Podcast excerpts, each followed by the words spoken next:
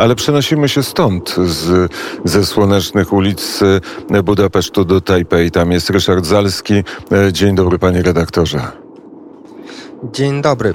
E, właśnie dużo słyszeliśmy o bezpieczeństwie i, i, i, różnych takich sprawach raczej geopolitycznych. Ja dzisiaj e, troszkę o tym będę mówił teraz, a znacznie więcej w studio Taipei. Mianowicie, jeśli chodzi o wojnę ukraińsko-rosyjską, to dotarła ona do Azji trochę tylnymi drzwiami. Mianowicie prezydent e, Ukrainy pojawił się wirtualnie na bardzo, bardzo ważnej, prestiżowej konferencji w Singapurze teraz w ten weekend przemawiał o sytuacji w Europie i o groźbie powtórzenia się tego samego w Azji. Odniósł się on do postaw ekspansji terytorialnej Rosji i Chin i ostrzegł przed możliwością powtórzenia losu własnego kraju także przez Tajwan. I co ważne jest to, że w gazetach czasami jest teraz mylnie w nagłówkach widać, że on niby jakoś poparł Tajwan. Nie, to nie tak było.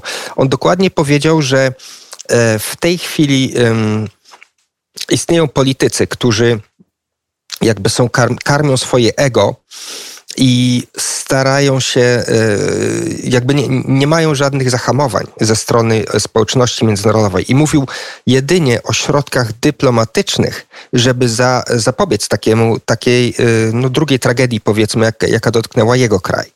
I e, skończył mówiąc, że e, musimy to, musimy o to zadbać przed tym, zanim, zanim do tego dojdzie. I co ciekawe, nie posunął się w tych uwagach za daleko.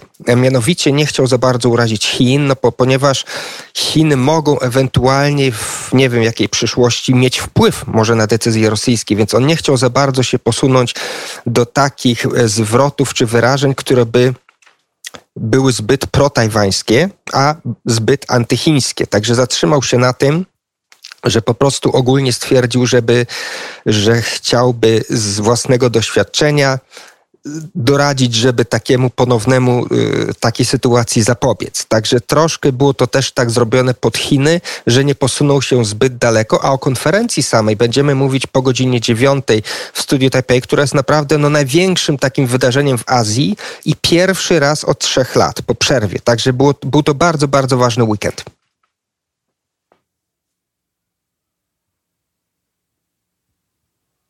Na antenie Radia Wnet o godzinie 9.10 i studio e, Taipei, a teraz